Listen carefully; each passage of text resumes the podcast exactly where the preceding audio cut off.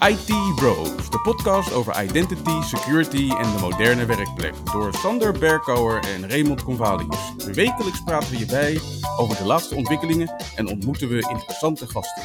Volg onze podcast op Spotify of iTunes en stel je vragen op Twitter, ITBrosNL. Ik ben Raymond Convalius. En mijn naam is Sander Berkouwer. Welkom bij aflevering 21 van de IT Bros podcast. Seizoen 2. Met deze week het meest recente nieuws, aankomende evenementen en weer een flitsende productiviteitstip van Ray.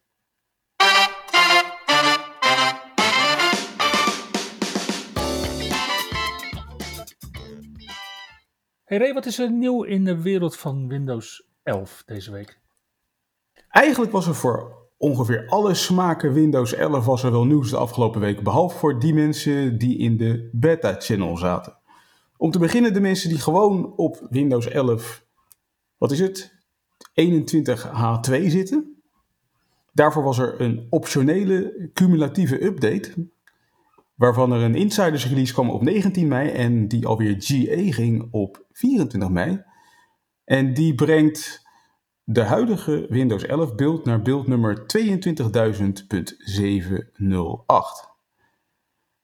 En daar zit onder andere een nieuwe feature in, zomaar. Namelijk de spotlight voor desktop zit erin. Dus dat je die mooie Ah. spotlight plaatjes eh, kan zien Mhm. eh, op je desktop. Er zit een verbeterde family safety verificatie in en een heleboel kleinere fixes. Dus ondanks dat die optioneel is, volgens mij is het toch wel een aanrader om deze te installeren. Oké. Nou, dan was er uiteraard een nieuwe beeld voor de Dev Channel. Die staat inmiddels op beeld nummer 25126. En dat is dus de beeld die voorbereidt op de 23H2 release die volgend jaar moet uitkomen. Die ook wel bekend is onder de noemer Sun Valley 3. Ja, dus we hadden Sun Valley, Sun Valley 2 en dus nu Sun Valley 3. Inderdaad. En deze beeld 25126 die komt onder andere met een nieuwe account settings pagina waarin je subscription management kan doen. Dus dan kan je al je Microsoft 365 subscription statuses kan je zien in de settingspagina van Windows 11. Oké. Alleen deze feature die is nog niet voor iedereen te zien, dus bij mij is die uiteraard nog niet te zien, maar, maar die komt er dus bij. Waarschijnlijk als je een abonnement in de VS hebt, dan, eh, dan zou je het al wel kunnen zien. Wellicht. En er komen allerlei nieuwe features voor de controller bar, weet je wel, die, eh, die game bar. ja. Hmm. Nou, verder zitten er nog eh, diverse fixes in. En dan is er natuurlijk ook nog nieuws over de aankomende 22H2 release. We hadden het er al over vorige week. Van is beeld nummer 22621 RTM voor de volgende release van Windows 11? Het antwoord is inmiddels gekomen. Het is ja. Oké. Op 31 mei starten de eh, submissions, zoals dat heette, voor de Windows Hardware Compatibility Program. Mhm. Dus dan kunnen de hardwarefabrikanten hun drivers insturen, geschikt voor beeld eh, 22H2. Zodat we de situaties rondom de lancering van Vista en Nvidia drivers kunnen vermijden. Ja? Bijvoorbeeld, precies. En daar hebben die hardware vendors tot 5 september de tijd voor. Nou, dat geeft natuurlijk ook wel enigszins aan wanneer we de officiële release kunnen verwachten van 22H2. Dus die zal waarschijnlijk ergens rond eind september, begin oktober plaatsvinden. Oké, dus 22.6.21 is dan niet inderdaad een verwijzing naar een datum. Nee, dat zit er inderdaad niet in. Oké. Nou, dan behalve Windows 11 was er ook nog wat nieuws over Edge. Namelijk, eh, als het goed is, gaat deze week eh, Edge versie 102 in première. En daarmee schuiven alle andere Edge eh, Insider builds weer een, eh, een, een, een channel op, zeg maar, zoals het heet.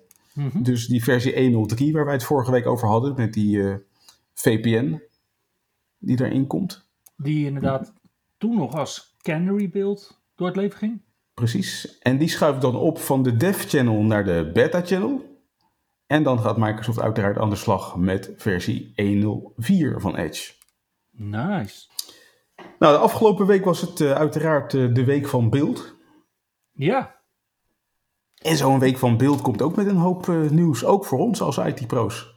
Nou ja, niet zoveel natuurlijk als onze typische evenementen. Maar er waren toch wel wat fijne dingen waar ik denk dat we wel een hoop weer mee kunnen. Uiteraard is het heel veel uh, Windows nieuws wat je daar hoort.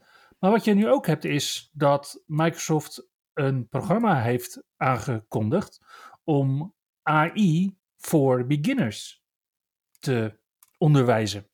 En dat betekent dat je met gratis demo's, gratis labs, gratis overige materialen, uh, echte klassieke artificial intelligence, neurale netwerken en dat soort dingen kunt, uh, kunt doen onder de MIT-licentie.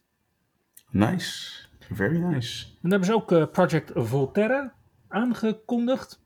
En dat is een ARM64 desktop, waarmee je dus die ARM64 Visual Studio kunt draaien, waarmee je nog harder kunt ontwikkelen.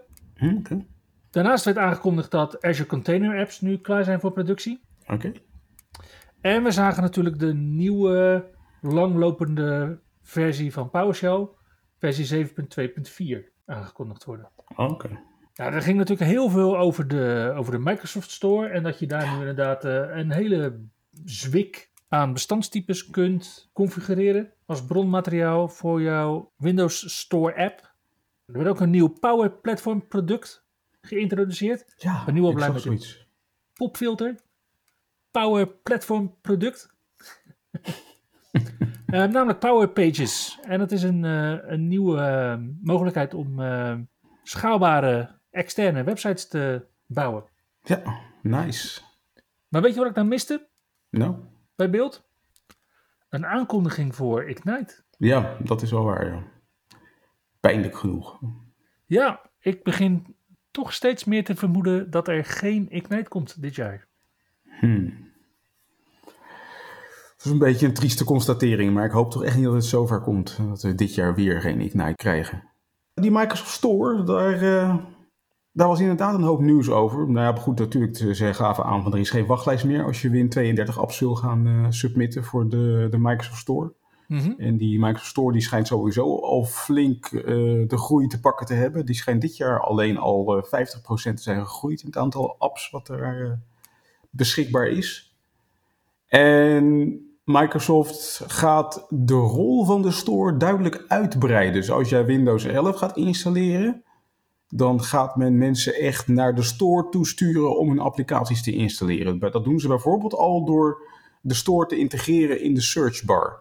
Dus op het moment dat je search gaat doen en je searcht voor een applicatie en je hebt die applicatie nog niet geïnstalleerd en hij staat wel in de store, dan verschijnt gewoon de link naar de store in de searchresultaten.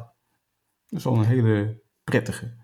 Ja, en ik zag ook dat er nu een uh, herstelfunctionaliteit komt. Dus je gaat bijvoorbeeld uh, naar een nieuwe Windows 11 machine. Je meldt gewoon aan met je, met je cloud account.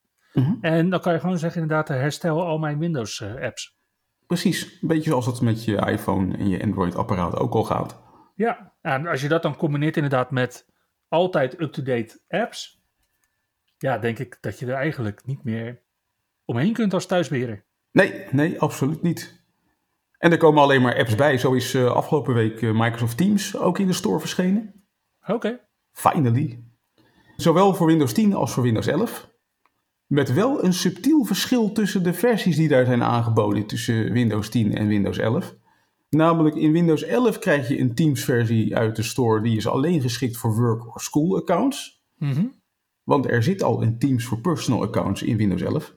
Precies, ingebouwd, ja. En als je Teams uit de store op Windows 10 installeert, dan krijg je gewoon een versie waar je ook met je personal account op kan inloggen. Oké, okay, dat is die Teams voor consumenten inderdaad, die je dan uit de store haalt. Nou, het is de Teams, eigenlijk dezelfde Teams die je gewoon kan downloaden vanaf Microsoft.com geloof ik. Mhm. Mm -hmm. Maar die is dan zowel voor personal accounts als voor work or school accounts. Terwijl die van Windows 11 alleen voor work or school accounts is. Oké. Okay. Ja. Nou ja, handig. Ook in de Apple Store was er nieuws deze week.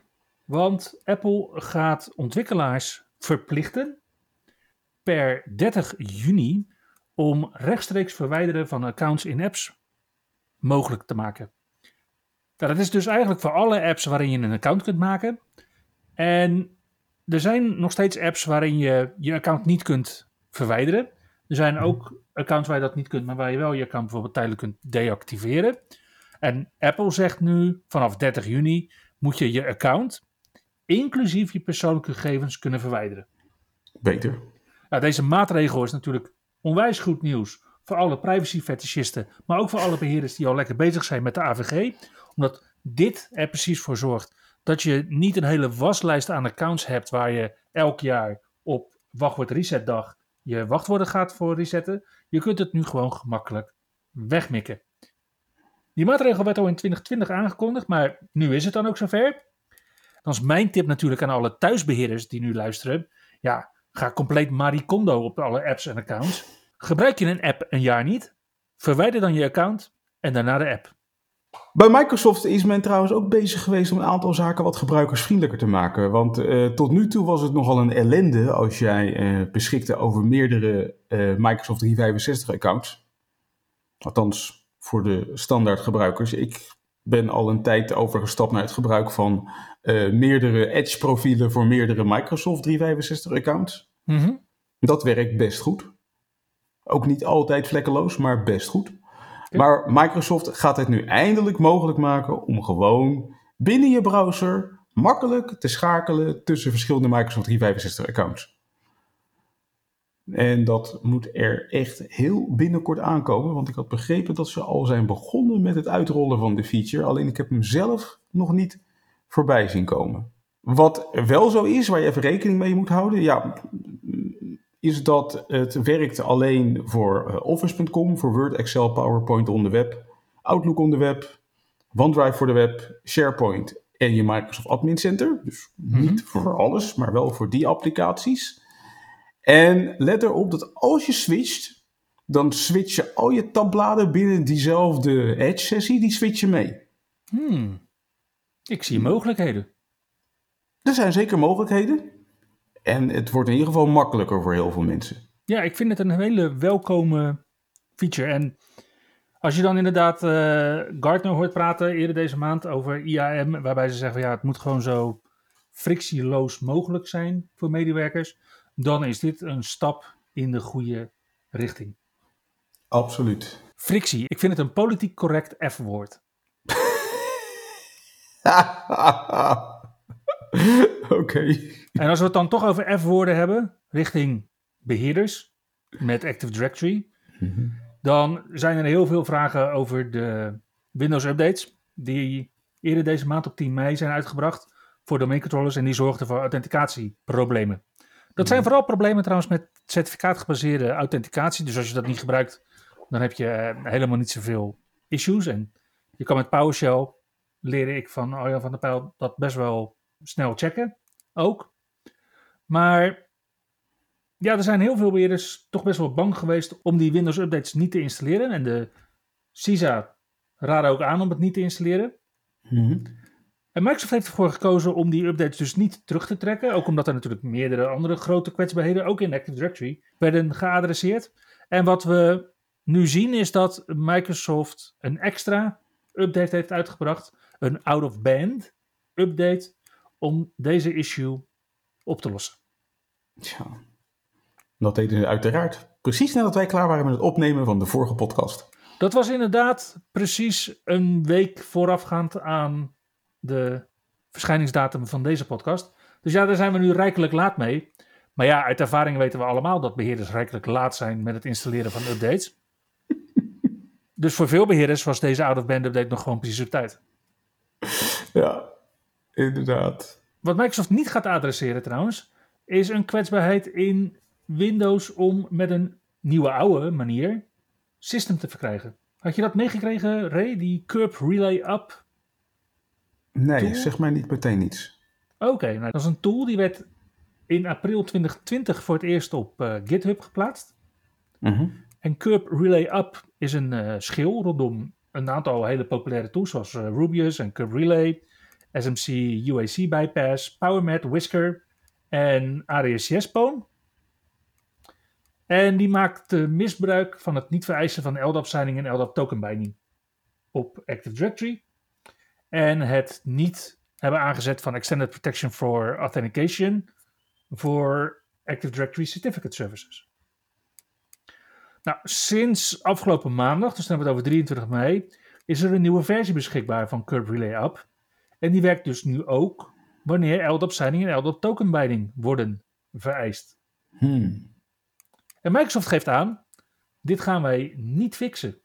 Dit is zo inherent aan hoe Windows werkt, dat we daar niet aan gaan morrelen. Sterker nog, zegt Microsoft, we hebben twee oplossingen voor je. De eerste oplossing is gewoon van ja, in plaats van dat je al je werkplekken lid maakt van Active Directory, maak ze nou gewoon lid van Azure AD. Weet je, ook uh, Hybrid Azure AD Join doe het niet.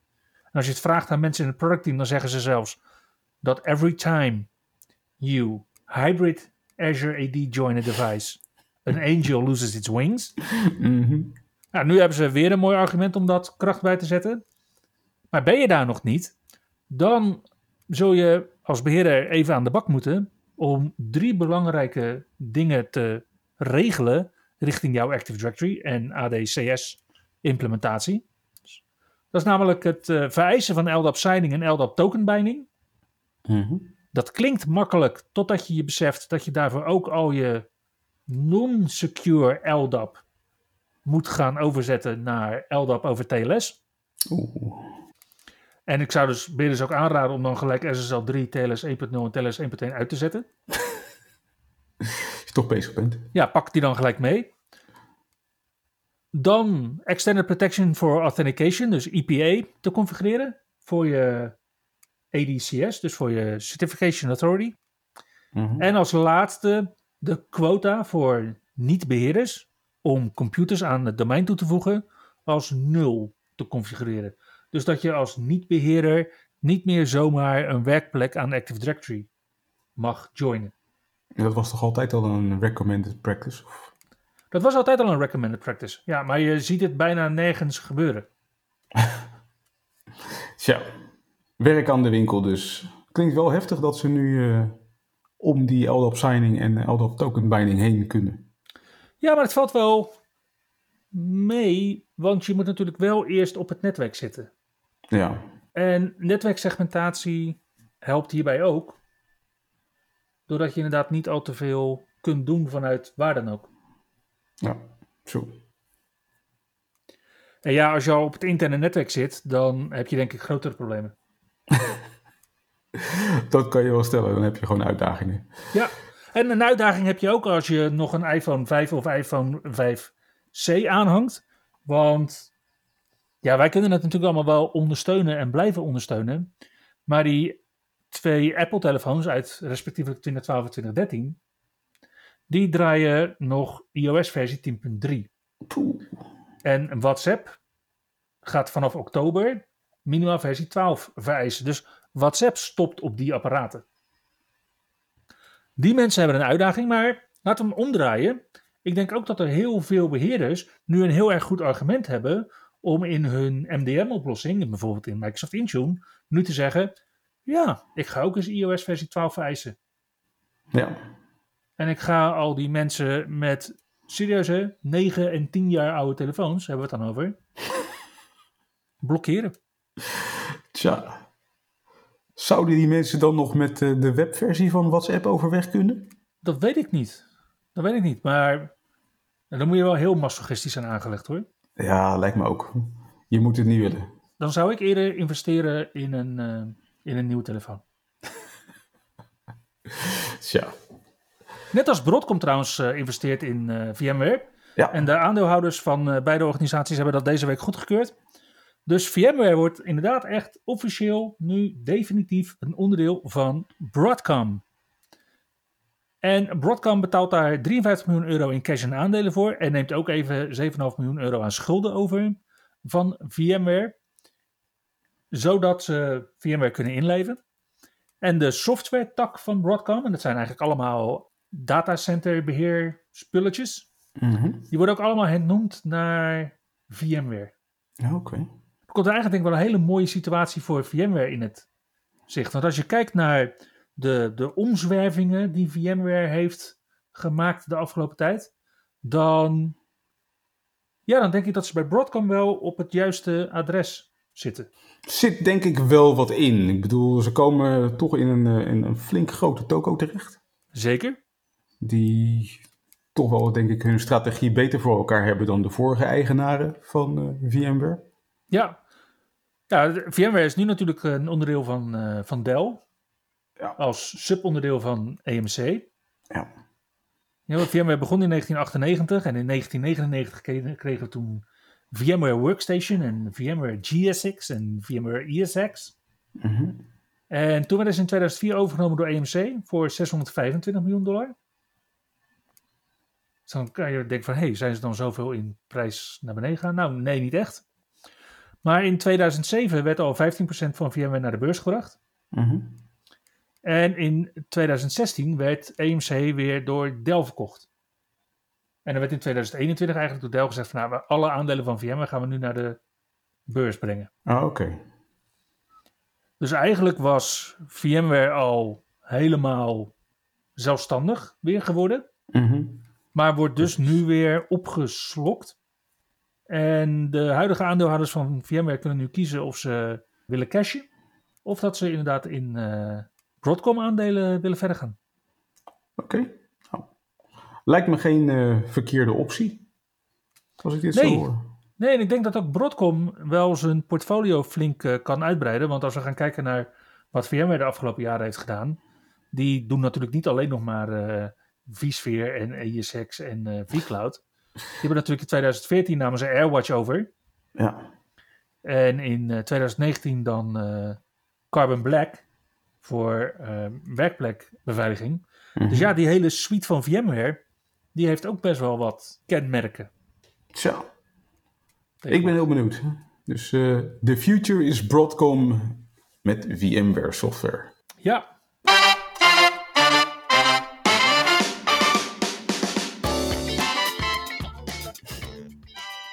Voor volgende week zien we vijf evenementen, waarvan er één virtueel en vier fysiek zijn. Op dinsdag 31 mei vanaf 4 uur middags kun je voor anderhalf uur aansluiten bij de Workplace Ninjas. Die hebben een webinar met Jesper Nielsen.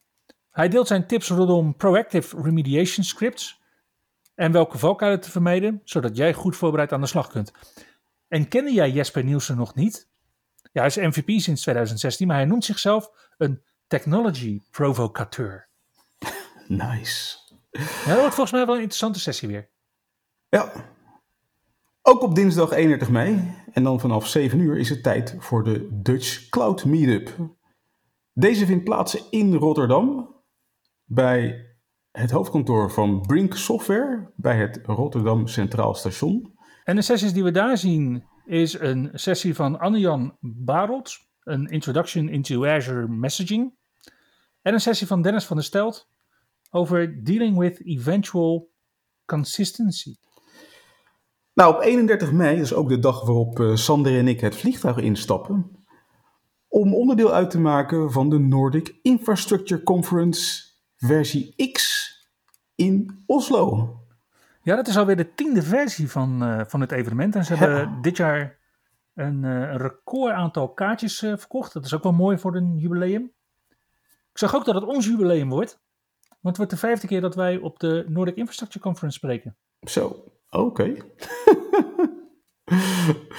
Very nice. Oorspronkelijk had ik hem van 9 februari tot 11 februari in mijn agenda gezet. Ja. En dat was nog krap met de verjaardag van mijn broer. Maar ja, nu is het best wel een, uh, een mooie datum geworden. Ja. Die precies overal tussenin valt. Precies. Nou, en op die Nordic Infrastructure Conference op 31 mei zijn dan de pre-conference sessies. En daarna op 1 en 2 juni de reguliere sessies, waar onder andere Sander en ik dus te zien zijn. Kun je niet naar Oslo, dan kun je uiteraard wel in Nederland aan de bak. Maar dan moet je wel kiezen. Op donderdag 2 juni, vanaf een uur of zes ongeveer, zijn er twee user groups die om jouw aanwezigheid lijken te strijden. Dat zijn uh, allereerst Azure Thursday. En die hebben best wel een, uh, een mooie line-up met uh, Raita van Rijswijk en Koos Goosens. En Raita praat over hoe je een divers ontwikkelteam kunt bouwen. En Koos die geeft drie pro-tips voor Sentinel-beheerders. En dan hebben ze iets van, nou, dan ben ik wel heel benieuwd naar die andere. Nou, dat is de Dutch Information Worker User Group. En die hebben een sessie van Jasper Oosterveld. Hoe je je gegevens in Microsoft Teams kunt beveiligen en beheren. En Rick de Koning, die presenteert hoe om te gaan met langlopende goedkeuringsprocessen in Power Apps. Ja. En als je dan nog steeds moeite hebt om te kiezen, het evenement van Azure Thursday is in Leinden bij Wortel. En het evenement van de Dutch Information Worker User Group is bij iExpert in Apeldoorn.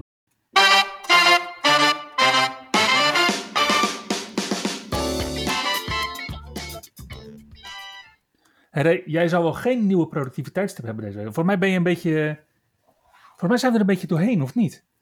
We zijn er nog steeds niet doorheen. Ik ontdek zelf ook nog steeds nieuwe dingen in Windows. Oké. Zo ehm, vertelde ik al, ik ga binnenkort een familielid van mij helpen die eh, wat uh, accessibility needs heeft, zeg maar even zo mm -hmm. in goed Nederlands te zeggen. En daarom ben ik deze keer eens gedoken in de Immersive Reader van Edge. Die trouwens in het Nederlands heet de insluitende lezer. En dat is eigenlijk een soort van leeshulp voor webpagina's binnen je browser. En op het moment dat je zeg maar bepaalde pagina's opent, dan heb je in je adresbalk aan de rechterkant heb je een immersive reader icoontje staan. En op het moment dat je daarop klikt, dan verschijnt er een nieuwe balk bij. En in die balk kan je allerlei ja, uh, leesbaarheid bevorderende features aanzetten. Dus daar kan je bijvoorbeeld ervoor kiezen om de pagina weer te geven in een ander lettertype, met een andere lettergrootte. Je kan kiezen uit 23 thema's. Alle uh, uh, afleidende opsmuk uit zo'n webpagina wordt trouwens ook een soort van meteen weggewerkt. Je kan uh, de spaties tussen de woorden laten vergroten. Je kan woorden laten opdelen in lettergrepen om het makkelijker te lezen. Ja, en ik zag ook dat uh, voor alle brugklasses die bezig zijn met Nederlands, dat je inderdaad ook alle zelfstandig naamwoorden, werkwoorden, bijvoeglijk naamwoorden en bijwoorden een andere kleur kunt geven. Ja. Dat kan ook heel handig zijn als je aan het oefenen bent. Precies. En je kan ook gewoon pagina's compleet laten vertalen. En een andere hele fraaie feature die ik nog tegenkwam is dat er zit een functionaliteit in die heet de Picture Dictionary. En die is dus in staat om bepaalde woorden voor je uit te leggen op een pagina. Dus als die woorden, als daar je icoontje verandert in een soort van toverstafje en je klikt erop, dan laat hij vervolgens een plaatje zien met de betekenis van dat woord. Oké. En dat doet hij ook in het Nederlands en in het Engels. Dus uh, sowieso voor ons publiek uh, bijzonder uh, toegankelijk. Super gaaf. Ja. Nou was ik deze week een onderzoek over Bionic Reading waar sommige delen van woorden vet worden gedrukt, zodat je daar, uh, ja, zodat onze hersenen zich daar zeg maar omheen rappen en dat je daardoor inderdaad veel sneller begrijpend kunt lezen. Is dat uh, ook beschikbaar in de Immersive Reader in Edge? Nee, helaas nog niet. Ik heb, ik heb ook al van de week een, eh, een artikel daarover voorbij zien komen. En ja, werkelijk amazing. Het is, het is een beetje zeg maar, je, je hebt wel eens van die, van, die, van die grappige artikeltjes erbij zien komen, waarschijnlijk ergens in je socials, dat je zinnen voorbij ziet komen met allemaal halve woorden en dat je toch in staat bent om die zin te lezen. Mm-hmm. Nou, dat doen ze dus met Bionic Reading, door delen van woorden vet gedrukt te maken, waardoor je heel snel die woorden kan lezen. Veel sneller dan dat je ze normaal gesproken kan lezen. En dat doen ze met AI. Er schijnt een of ander bedrijf echt volop mee bezig te zijn. Die hebben Apple al geïnteresseerd gevonden om hier iets mee te gaan doen.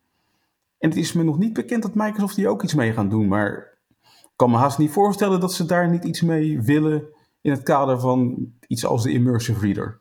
Ja, lijkt me inderdaad een goede combinatie. Kan niet wachten. Kun jij ook niet wachten op de volgende aflevering van de IT Bros podcast? Luister dan ook vooral volgende week weer. Want we zijn gekomen aan het einde van aflevering 21 van seizoen 2 van de IT Bros podcast. Dankjewel voor het luisteren en tot de volgende keer. Je luisterde naar IT Bros, de wekelijkse podcast over identity, security en de moderne werkplek. Abonneer je op Spotify, iTunes of Google Podcast als je de volgende aflevering niet wilt missen. Heb je hints of tips? Laat dan van je horen op Twitter. @itbrosnl.